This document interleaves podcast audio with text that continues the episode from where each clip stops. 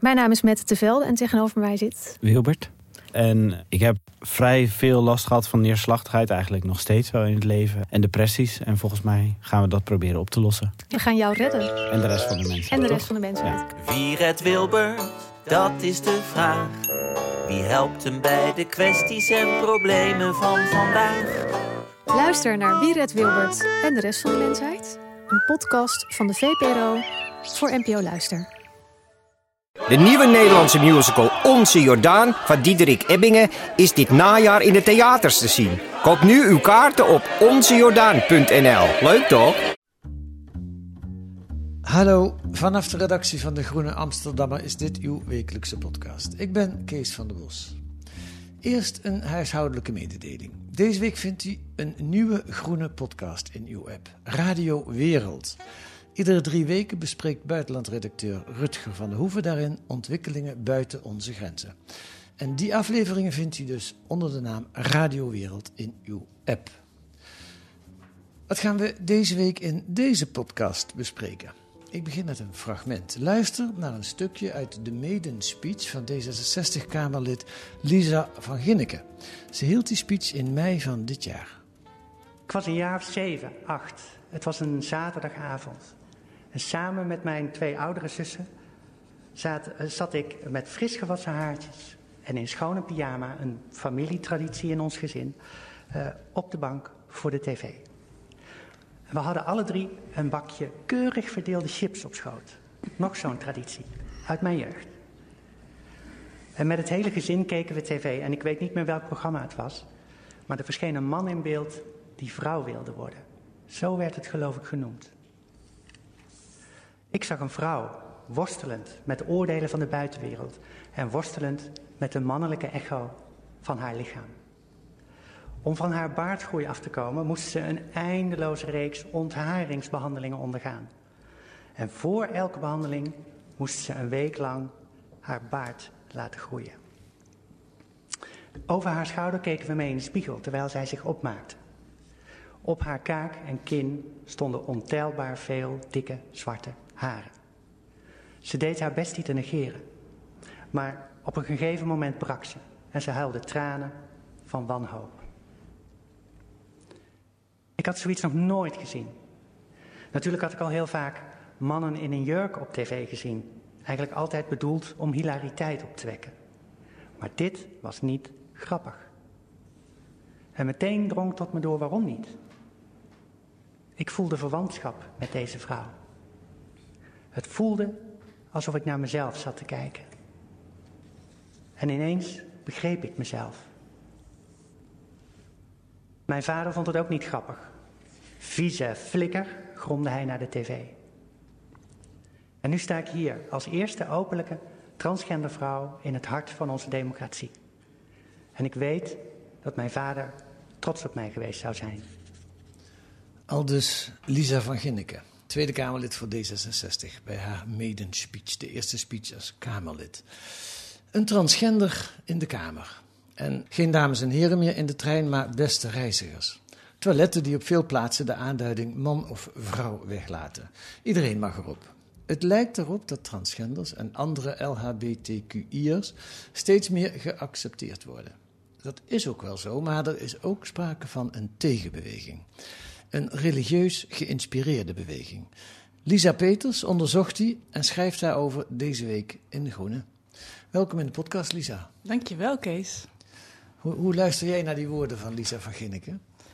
Ja, deels uh, raakt het me wel, omdat je ook merkt dat zij uit haar hart daar in de Tweede Kamer uh, staat te vertellen over haar. Een belangrijke ervaring voor haar uit haar jeugd. Het moment dat zij zich realiseert: ik ben ook zo, ik ben ook een transvrouw of een transmeisje dan nog. En ik ben ook, ik ben ook wel trots. Ik vind het ook fantastisch eigenlijk dat, dat zij bij ons in de Kamer zit. Dat Ja. zij volksvertegenwoordiger is. Dus ja, positief. Ja, ja. Maar het raakt ook. Hè? De, Ja. je, je, je voelt de strijd die erachter zit. Ja. En ik vond het mooi om daarmee te beginnen, omdat we nu de hele tijd gaan hebben over mensen die zich die hier tegen ageren. En Ja. dan, dan kun je, dan, dan, dan vermenselijkt het, hè? dan zie je over wie het gaat. Ja, ja. Goed, even over de podcast. Jij zit meestal aan, op mijn plaats Precies, normaal stel ik de vragen. Dus ik zal me proberen in te houden. Bij nu.nl, geloof ik. Hè? Welke- Ja, ik heb daar een tijdje een podcast eh Andermans Zaken gepresenteerd. En Ja. dan hadden we bekende ondernemers over de vloer. Oké. En hadden, eh, doe je dat niet meer? Nee, met corona is die eh, podcast eh, ter ziele gegaan omdat we niet meer in de studio mochten. En toen het weer mocht, toen, ha- hadden ze een andere, toen waren ze overgenomen en toen was er een nieuwe strategie en toen was het niet meer nodig. Ah, jammer. Tenminste, neem ik aan, want het is leuk werk, toch? Of niet? Het is leuk, maar dan kom- komt er ook weer tijd voor andere dingen. Dus En nu heb je net een nieuwe baan ja, op de school voor journalistiek. ja, als docent. Ja, ik heb gisteren mijn eerste leerling eruit gestuurd. Hij wilde niet luisteren, of zij wilde niet En luisteren. ze was in slaap gevallen, dus ik zei... eh, kan ook je- zijn dat jij heel saai les geeft. Nee, dat is niet waar, want we hadden net een heel leuk filmpje gekeken van, van, van de demonstratie bij eh, het vluchtelingenkamp in Harskamp, of de opvang van de Afghaanse vluchtelingen. Dus het was absoluut niet saai. Mm, Dus ik zei tegen haar, eh, ja, ik, ik wil niet dat je slaapt in mijn les. Ja, En toen stond, schrok ze wakker, stond ze op en ging ze weg. En ik bedoelde eigenlijk, blijf wakker. Maar goed. Misschien heb je daarmee wel de, de, eh, een soort eh, jezelf laten kennen aan de, aan de andere eh, leerlingen. Ja, of, of laten zien eh, dat, ik niet, eh, dat je niet in mijn les moet slapen. ja, ja. Nou, ik hoop dat je ook tijdens deze podcast niet in slaap gaat vallen. Dat hoop ik ook. of jij dan eigenlijk. Ja, ja, het kan allebei. Ehm, gender, politiek. Mhm. Eh, eh, we gaan het hebben over de tegenbeweging daartegen. Maar laten we even genderpolitiek eh, definiëren. Mhm. Ehm, het blijft voor mij toch een beetje een lastig woord, gender. Mhm. Ik krijg er niet echt een beeld bij. Dat begrijp ik, ja. Ik las ergens in een stuk, ik meen van jouw hand in de correspondent... seks zit tussen je benen en gender zit tussen de oren. Ja, dat is natuurlijk een beetje een grapje ook. Want tussen de oren betekent ook dat het eigenlijk... dat je het hebt bedacht. Ja. Maar, maar gender... Je kan het op verschillende manieren bekijken. Eh, ik heb genderstudies eh, gedaan. En mensen denken dan vaak dat ik alles over transgender personen weet. ja. Maar ehm genderstudies is eigenlijk een, een, een diep so- sociologische studie en kijkt heel erg naar gender als maatschappelijk machts, eh, machtsconstruct. Dus hoe is de macht verdeeld tussen mannen en vrouwen, het patriarchaat, wat voor wetgeving is er en wat voor machtsverdeling vloeit daaruit voort. Dat is iets heel anders dan je individuele gender Ja. die dus tussen je oren zit. En daarmee bedoel ik eigenlijk, ehm, het, het, het leeft in onze hoofden. Het is niet, het is niet een bestaand, vaststaand iets wat Nee. van buitenaf eh, komt. Dus het is niet aangeboren zoals tussen je benen, maar het is een cultureel construct. Net als geld, dat bestaat ook niet echt, dat hebben we ook bedacht, maar het is wel heel waardevol. ja. Op die manier is gender ook bedacht, cultureel, maar het is wel heel belangrijk in onze levens. En genderstudies, dat is een master aan de universiteit. Ja. En welke universiteit heb je dat gedaan? Ik heb het gedaan in Londen aan de universiteit die, met de prachtige naam SOAS. Dat is een afkorting en die staat voor School of Oriental and African Studies. Oké. En dat heeft eigenlijk niet direct met transgenders en zo te maken, maar meer met machtsstructuren. zeg Ja, ja, precies. Ja. Ja. Ehm, maar toch schrijf je wel veel, of af en toe, over, over, over transgenders en, en, en eh, dingen daaromheen. Hoe- Ja, als ik erover schrijf, transgender personen, ik schrijf niet zo heel vaak over de individuele ervaring, wat toch meer een soort psychologie is, Nee. maar meer over hoe, hoe, hoe mensen zich kunnen verhouden. eh, je hebt een kikker in je keel. Ja, ik heb een kikker in ja, mijn keel. Misschien moet hij er even uit. Die gaat er even uit. Ja. Goed, eh, pak hem weer op. Je Ja. schrijft niet over individuele Nou, ervaringen. Dat heb ik natuurlijk ook wel gedaan. Ik heb, ik heb veel eh trans mannen en trans vrouwen en non-binaire personen geïnterviewd. Maar vaak als ik over thema's schrijf, dan eh, probeer ik het wel breder te trekken. Mhm. En gaat het meer over de emancipatie van bijvoorbeeld. Of Ja. waar mensen tegenaan lopen in, zeg maar, in het bewegen in de maatschappij. Ja. Bijvoorbeeld als je niet man of vrouw voelt. Ehm, eh, maar je hebt nog wel een M of een V in je paspoort. Hoe ga je daarmee om? En daar zijn nu ook weer maatschappelijke veranderingen in dat het soms ook mogelijk is om een X te krijgen. Ja. Dus dat zijn meer de, de- het maatschappelijke belang van gender. Dus niet zozeer die hele individuele ervaring. Maar ja, die individuele ervaring wordt er natuurlijk wel door gevormd en bepaald. Ja. Welke, hoeveel ruimte je krijgt eigenlijk. ja. Nou, de laatste jaren is er duidelijk sprake van een opleving van. Hè? Absoluut. Hoe verklaar je die? Is die te verklaren? Ja, ehm, ik, ik, toevallig, ik ken eh, Lisa van Ginneke uit het eerste fragment, ken ik al een paar jaar. Ja. En, ehm, en, en haar generatie, ik weet niet precies hoe oud ze is, maar een generatie ouder dan Dus ik. tussen de 40 en de 50 schat ik Denk zo. ik, ja. Ehm, sorry Lisa als we het hier mis hebben. Ehm, maar hun generatie eh, kende die woorden helemaal niet. Transgender, transvrouw, nee. transman. En dat heb ik van veel mensen, van oudere transpersonen gehoord... dat ze naar de bibliotheek moesten. Ja. En een encyclopedie om transseksualiteit bijvoorbeeld op te zoeken. Ja. Dat is zo anders met hoe een generatie nu opgroeit. Je, je, je tikt het in op Google, je krijgt het voorbij op social media. Dus een beetje power to the people natuurlijk via social media. Maar eh, heel veel informatie is gewoon beschikbaar. En er Ja. zijn natuurlijk forums, fora ehm, en, en allerlei plekken waar mensen informatie kunnen krijgen. Dus ik denk, doordat er meer over bekend is, weten ook meer mensen... hé, hey, dit speelt. Klopt, ik ben van een nog oudere generatie dan. Oh, hoe oud ben jij? eh, boven de 60, 69 om precies te zijn. Mhm. Eh, en ik had ook nooit van transgenders eh, gehoord. Dus toen ik dat... Tot, tot wanneer bedoel je dan? Ja, tot wanneer? Want voor vandaag, voor vandaag had ja, je er wel ja, gehoord. ja? Ja, precies. erg is het niet. Maar wel een aantal jaren geleden, denk ik, op een gegeven moment van Maxime Februari. Eh, dat was een, een, eye-opener voor mij. Ja. En ik keek er in het begin ook best gek naar. Ik dacht, Hmm. ja, je kunt ook met rode haren geboren worden. En Mhm. ik wil blonde haren. Dat. Waarom moet daar zo'n... ja, Dus ik moest heel erg aan wennen. onbegrip, ja. Logisch. om Ja, het is nieuw voor je. Je kent het niet. Nee. Ja, Ehm, er zit nog steeds dat kikkertje. ja. Ehm, maar goed, dat is allemaal. ehm, of dat is niet allemaal voorbij voor mij en voor jou is dat voorbij, maar in heel veel plekken van de maatschappij is dat nog niet voorbij, denk ik. Nee, dit hè? is nog hartstikke gaande Ja, natuurlijk. dat is Ja, hartstikke gaande. Maar nu over iets anders. Nu kom jij met een onderzoek naar met name religieus geïnspireerde tegenbeweging. ja. Hoe kom je erop? Waarom dit onderwerp? Ehm, ja, jij begint heel erg over transgender personen. Voor mij is dit breder. Ehm, en, en gaat deze tegenbeweging die ik heb onderzocht... Ja, eh, die, die keert zich ook heel erg tegen andere progressieve wetgeving. heb je helemaal gelijk in. Dus ja. het gaat natuurlijk niet alleen hierover. Nee. Ik ben erop gekomen omdat ik eh, vorig jaar, eind vorig jaar, ehm, eh, kwam mij ter oren dat, dat er in de Nederlandse politiek, in, in, in de achterkamertjes, wordt gewerkt aan een nieuwe, nieuwe wetgeving rondom sekswerk. Ehm, en eh, we hebben nu een, een model waarbij veel eh, gedoogd wordt, als ik het goed heb. En een aantal christelijke partijen die willen naar het Zweedse model om eh, de kopers van sekswerk te criminaliseren. Nou, en dat, dat komt dan vanuit die christelijke partijen. Dus ik ben daar een beetje ingedoken. Waar komt dat nou vandaan? En toen belandde ik eigenlijk in dit veel grotere verhaal. En sekswerk komt ook niet eens meer in het hele stuk voor. Ehm, maar het is eigenlijk een voorbeeld van progressieve wetgeving die we hebben, die door deze club het liefst gelijk teruggedraaid wordt. En daar gaat het hele stuk natuurlijk over. Ja. Deze, deze, deze beweging keert zich tegen abortus, Ja. tegen vrouwenemancipatie, tegen homorechten, maar inderdaad ook tegen transgenderrechten. Dus die zijn allemaal gelinkt aan elkaar. Ja, snap ik. Ik zit even te denken. eh, en, en is dat ook één, kun je dat op één hoop gooien met de Zweedse wetgeving om bezoekers van sekswerkers te criminaliseren? Is dat ook, Mm, is dat ook religieus conservatief? ik weet eigenlijk niet hoe die wetgeving is ontstaan, dus dat zou ik je niet kunnen vertellen. Nee, Nee. nee, nee. Gaan we het daar niet over hebben. Nee. Ehm, goed, dan duik je in die wereld. En eh, nou, ik schrik dan wel als ik dat lees. Ik weet niet hoe, hoe, hoe dat bij jou is vergaan, maar hoe, hoe rijk die wereld is. Rijk in allerlei opzichten. Rijk in Ja. geld en rijk in schakeringen. Ja. Ehm, ehm, ja, hoe pak je zo'n onderzoek aan? Laat ik daar eens mee beginnen. Ja. Moeten we iets met dat geboren? Nee, dat laten we gewoon gebeuren. Want dat horen wij hier veel beter dan Ah, de luisteraar dat hoort. Maar het is goed dat je het even zegt. Als u iets hoort, dan is het... eh, de, we zitten niet bij de tandarts, maar dat is bij de groene. Hoe ik dat aan heb gepakt? Eh, ja, ik begon in januari. Ik had kerstvakantie gehad. En eh, ik ben gaan googlen en gaan lezen en gaan googlen en gaan lezen. En op een gegeven moment had ik zoveel gelezen dat ik dacht...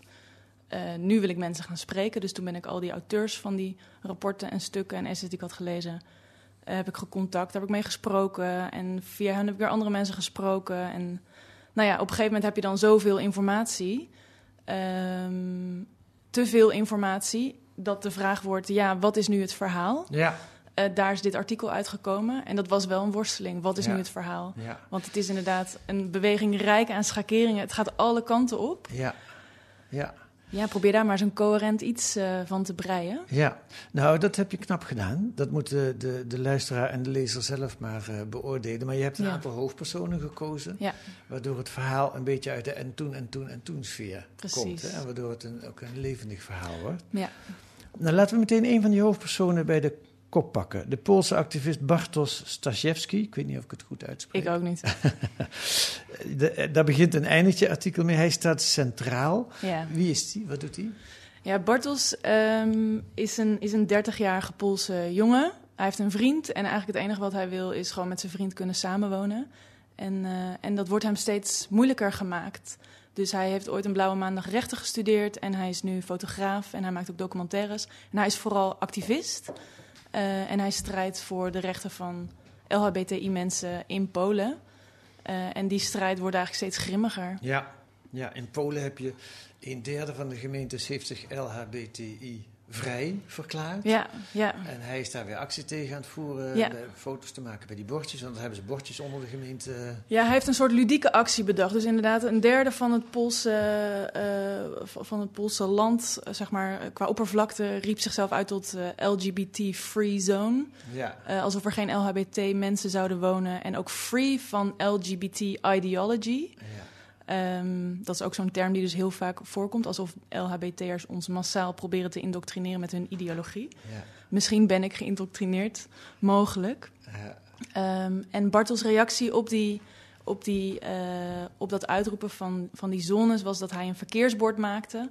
En daar stond dan een geel verkeersbord en daar stond dan op LGBT-free zone. Dus hij, hij zei eigenlijk van, nou oké, dit hebben jullie over jullie zelf uitgeroepen. En dat hing hij op onder, onder de plaatsnaamborden. En hij fotografeerde vervolgens LHBT-mensen uit die gemeenschap. Ja. Net buiten de bebouwde kom, maar nog, Ja, wel, ja. eh, nog wel bij die borden. Ja. Eh, en dat zijn pijnlijke foto's, want, want wat, wat zeggen die gemeenschappen? Ja, jullie bestaan niet voor ons. Ja.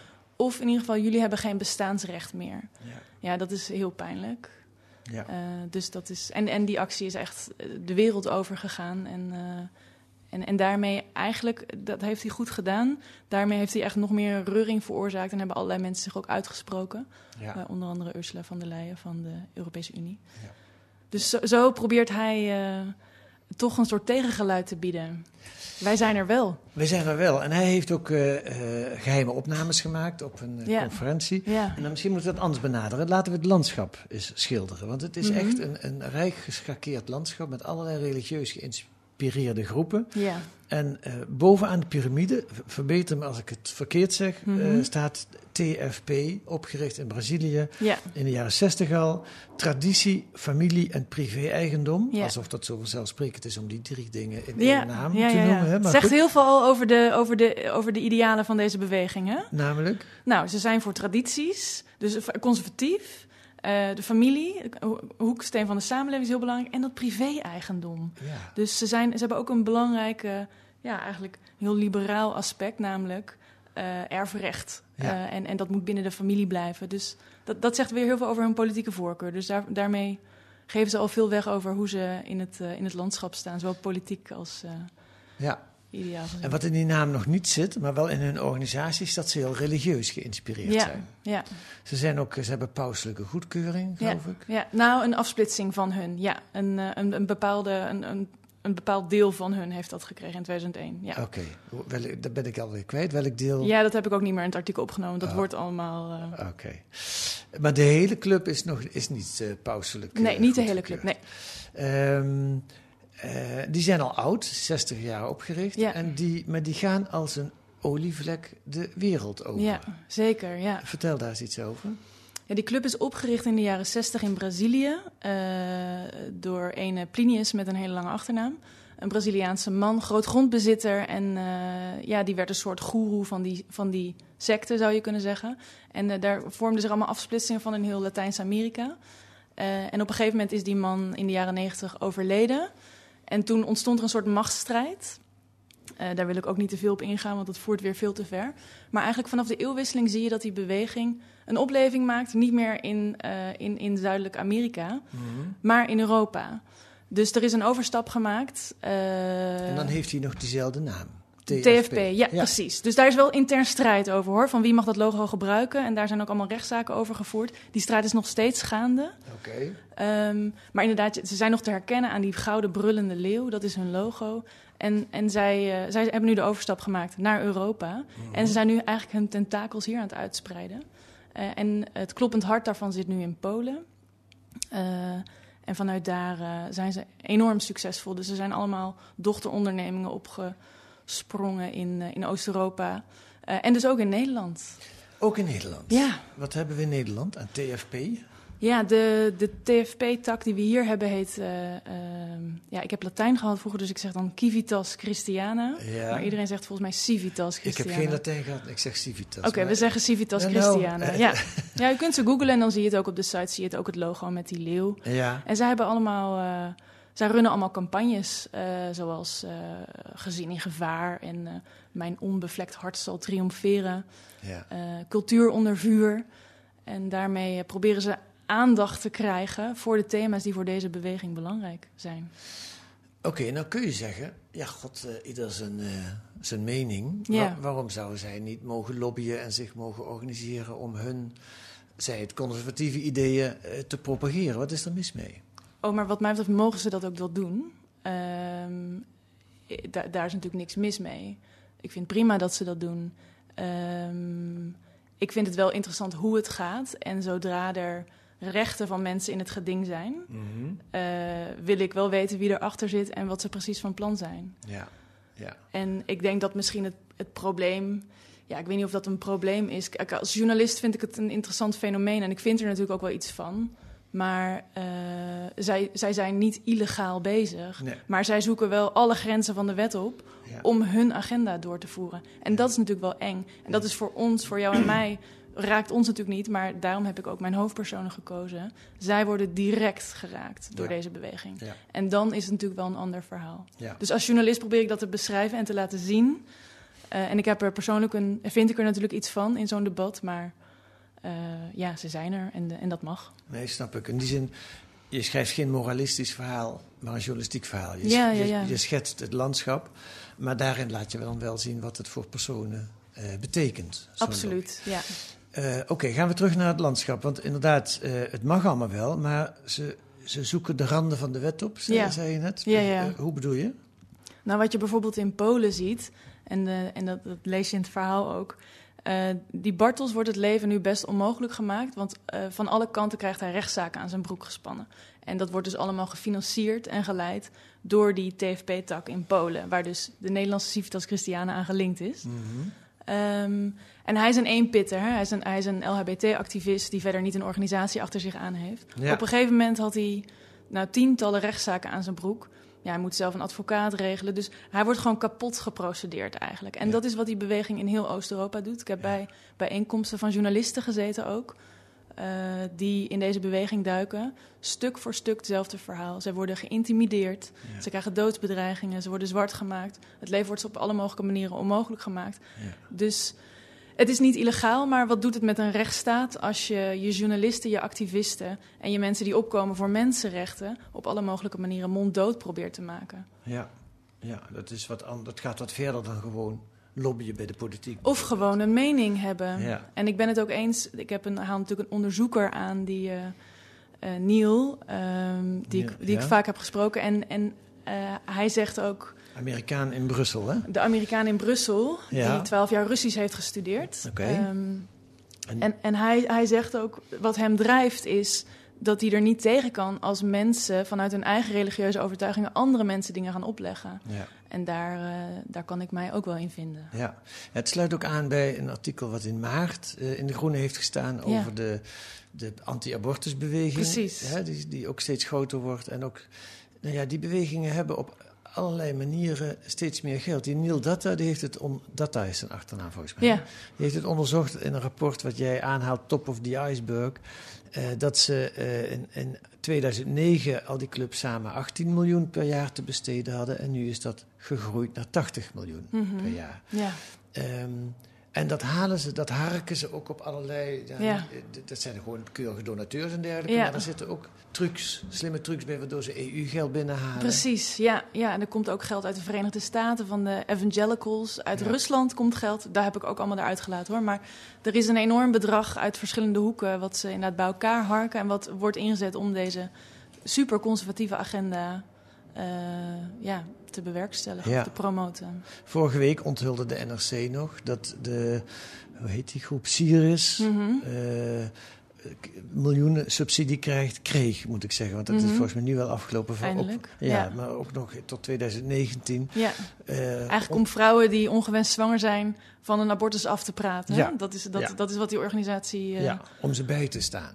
Ja, precies, dan, ja. Maar dat, Ja. dat komt dan neer op Ja. er vanaf praten. Ja. Ja, Ehm, ja ze zijn eigenlijk, eh, het is verontrustend, maar ze zijn ook heel slim bezig. Heel slim, absoluut. Ja, Ja. ja. Ja, ja. Ehm, ja, hoe nu verder? Eh, die, die clubs bestaan. De, Door zo'n artikel zet je ze in het licht. Mhm. Ja. Dat lijkt mij heel, eh, heel verstandig. ja. Ehm, maar ja, wat moet, wat moet je er dan mee? Nou ja, we kunnen hier best wat mee. Ehm, eh, wat, je, wat je ziet is dat die clubs, eh, die, die religieuze, conservatieve religieuze, die hebben een bepaalde conservatieve agenda. Die ze willen allerlei progressieve wetgeving het liefst zo snel mogelijk terugdraaien. Maar wat je ziet is dat er in heel Europa door die partijen wordt geflirt met, met radicaal rechtse partijen.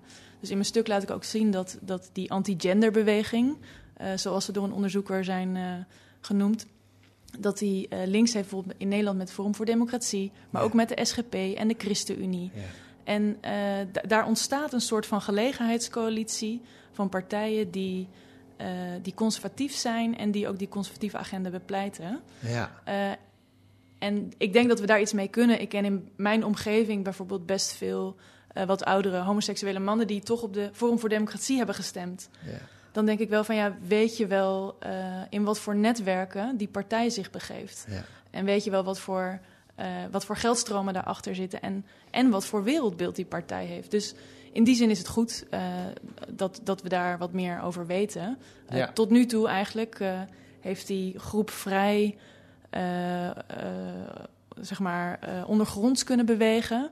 En ja, je noemde al heel even die geheime opnames van Bartels. Ja. Ik weet niet of je daar nog over wilt hebben. Nou, ik wou bijna afsluiten, Oh, maar ga door. Nee, nee, dat vind ik wel interessant. Nou, dat is wel een soort keerpunt geweest namelijk. Want die Bartels, die eh, Poolse activist, die, eh, die had een, een cameraatje... Of die had toegang tot een, tot, een, eh, tot een geheime bijeenkomst van deze club. Ja, van Agenda Europe. Agenda dat? Europe, ja, precies. En die had een, een geheim cameraatje in zijn knoop verborgen. En die Ja. is daar drie dagen, heeft hij zich eh, zo hetero mogelijk voorgedaan... met een te grote blouse en zo. Eh, en, en is hij gewoon gaan luisteren en heeft hij alles opgenomen. Ja, En eigenlijk eh, sindsdien eh, heeft hij die beelden verspreid. En sindsdien lukt het die club niet meer om echt ondergronds te bewegen. Hij heeft ook de deelnemerslijsten ver- eh, eh, openbaar gemaakt. En sindsdien eigenlijk duiken in heel Europa daar, die journalisten daar ook bovenop. Dus ja, dat is ook iets eh, Ja. wat we kunnen doen. ja, ja. Het niet zomaar laten gebeuren. Nee. We laten ons die rechten niet afpakken, Kees. Ineens spreek je over we. ja, dat is waar inderdaad. Ik, ik, eh, ik kom helemaal in mijn rol. Ja, maar goed, misschien is het ook wel iets wat niet alleen transgenders aangaat. Ik voel dat, dat, ehm, eh, dat, dat Lisa van Ginneke daar in de Tweede Kamer kan staan. Eh, dat, dat, dat haar rechten zijn, dat heeft ook te maken met onze recht om hier te zitten. En als zij, als zij daar niet meer kan staan, dan is dat ook een afbreuk eh, aan, aan de rechten van iedereen in deze maatschappij. Nou, een mooiere afsluiting had ik niet kunnen bedenken. Dankjewel, eh Lisa van Ginneke, voor dit gesprek. Eh, sorry, dankjewel Lisa Peters voor dit gesprek. Graag gedaan, Kees. Ook dankjewel Lisa van Ginneke voor de mooie beginquote.